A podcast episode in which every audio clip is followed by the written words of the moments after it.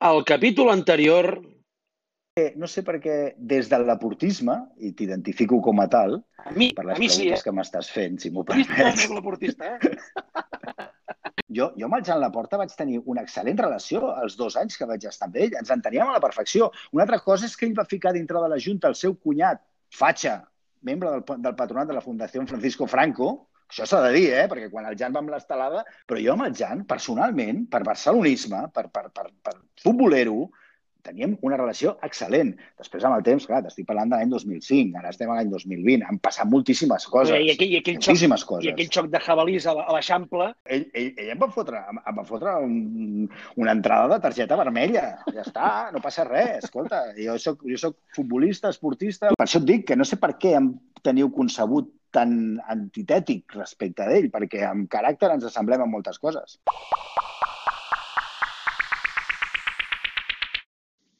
capítol 4. Soc el tio més cruifista de tot l'entorn del Barça. Toni, el teu pas per la directiva. De què t'empenedeixes més? Què no tornaries a fer? Eh, jo crec que hi ha dos episodis molt clars que es van gestionar molt malament.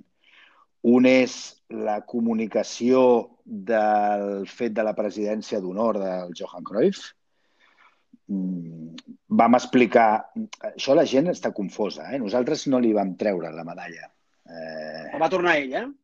va tornar ell. Nosaltres el que vam fer és explicar la realitat i, i, i, amb- i amb, com diria aquell, m'afirmo i em ratifico amb el que vam explicar des del punt de vista tècnic. Una altra cosa és que hauríem d'haver fet les coses d'una altra manera. Hauríem d'haver trucat al, al Johan, en Pau Descansi, fer-lo venir al club, explicar-li que allò que havia fet el Jan eh, dos mesos de marxar a correcuita i d'amagatotis eh, era una bomba de rellotgeria dirigida cap a nosaltres i que nosaltres havíem de regularitzar una situació que els estatuts no contemplava. O sigui, però no dir-ho així públicament perquè ell s'ho va prendre i ho va interpretar i el seu entorn el va ajudar a interpretar-ho d'aquesta manera, perquè el Johan d'estatuts, lògi- lògicament, no sabia ni el que eren els estatuts. Segur- Segurament algú el va trucar i li va dir Johan, que te han echado, i aleshores ell va anar i va retornar la medalla. No? Allò ho vam gestionar nosaltres molt malament i amb molta inexperiència. Eh, és cert que la Junta Directiva ho vam estar parlant, eh, per, perquè era una de les preguntes que durant la campanya sortia constantment i sabíem que la primera compareixença ens ho preguntarien. I, i bé, i allò que vam fer no, no va... O sigui, no, no, el Barça no, no va actuar bé quan una, una institució i un personatge indiscutible i capdalt a la història del Barça com el Johan Cruyff ha de retornar la seva medalla. Això, això, això està molt mal gestionat.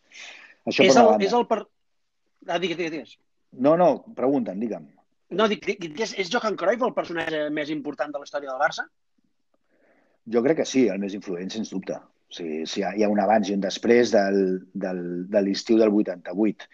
Abans va ser jugador des del 73 fins al 79 eh, i va ser impressionant la seva arribada com a futbolista, un jugador modern que venia d'un país com Holanda en un moment de, dels últims anys del franquisme, tot el que va significar la seva arribada, mm, per descomptat. Però en quant a la seva influència en el futbol, eh, el Barça és un club diferent des de l'any 88, això és absolutament evident, i de fet, quan hem guanyat títols i, i hem funcionat eh, esportivament a altíssim nivell és perquè hem seguit la seva influència i en aquest cas amb el Pep, no? que, que, que jo crec que ho va sublimar. No? El Pep va, va assolir l'excel·lència futbolística ell com a entrenador i acompanyat d'una generació de, de jugadors irrepetible. Jo d'aquí, ara si em permets t'explicaré una altra cosa. La famosa frase meva desafortunadíssima de que el Tito Vilanova havia superat el Pep Guardiola en totes les facetes. Entrevista a Onda Cero. 45 minuts d'entrevista a l'estudi d'Onda Cero a Barcelona. Vam parlar de tot, de tot. Allà hi havia el tio que m'entrevistava, el Santi Segurola, el Gica Crayoveano, imagina't la típica entrevista de programa de ràdio a la nit, 45 minuts. Jo aleshores era el portaveu del club. Entre altres coses, em van preguntar què opinava de Pep Guardiola, que ja no era l'entrenador del Barça, i vaig dir que era el millor entrenador de la història, i ho, i ho continuo mantenint. O sigui, el millor entrenador que ha tingut el Barça a la seva història. Abans hem dit que Johan Cruyff era el més influent, compte, el personatge més re- rellevant, però el millor entrenador, Pep Guardiola, i ho continuo mantenint, ho vaig dir en aquell moment. Vaig dir tot el que vaig dir, però va haver-hi una sola frase, una sola frase, on perquè el Tito estava com estava en Pau Descansi. I pel fet que el Barça, no ens oblidem, aquella temporada va fer 100 punts.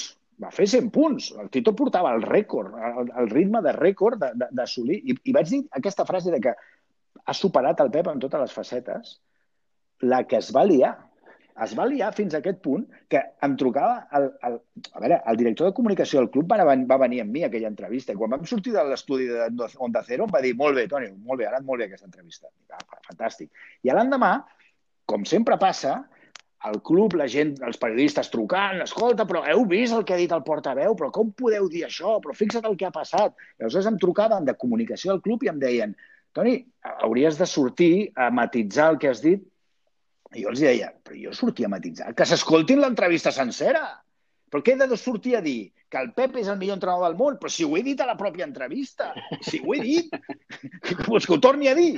Escolta, Toni, Toni però surt, jo ah, d'aquesta... I, i, i, què, què et vull dir amb això? Que el Barça, dius mitja, o sigui, fots una entrevista 99,9% del temps impecable i se te'n van tres paraules i aquelles tres paraules és el titular. Toni, jo d'aquesta entrevista que sàpigues que destacaré, entre altres coses, que Johan Cruyff és el personatge més influent i Pep Guardiola el, més, el millor entrenador. Espero que no et truquin ni del club ni de cap diari, eh? Toni? Però, però és que és així, Cantino.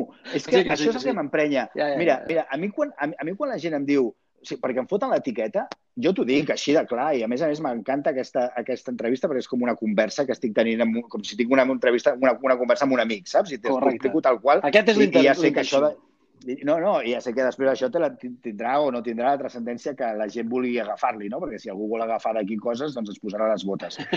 El tio, el, el tio més cruifista de, de tot aquest entorn, i ho saben els cruifistes, sóc jo. I et diré per què. Perquè a banda de que mm, Johan, quan jo era nen, era el meu ídol absolut i, i com totes de la meva generació, i després quan era entrenador del Barça podria explicar coses, fins i tot t'explicaria la meva dona, però ara ja no ve, ja, ja no ve, no ve Però futbolísticament jo, jo, jo he sigut jugador amb Laureano Ruiz. El que millor entén el futbol del Johan sóc jo.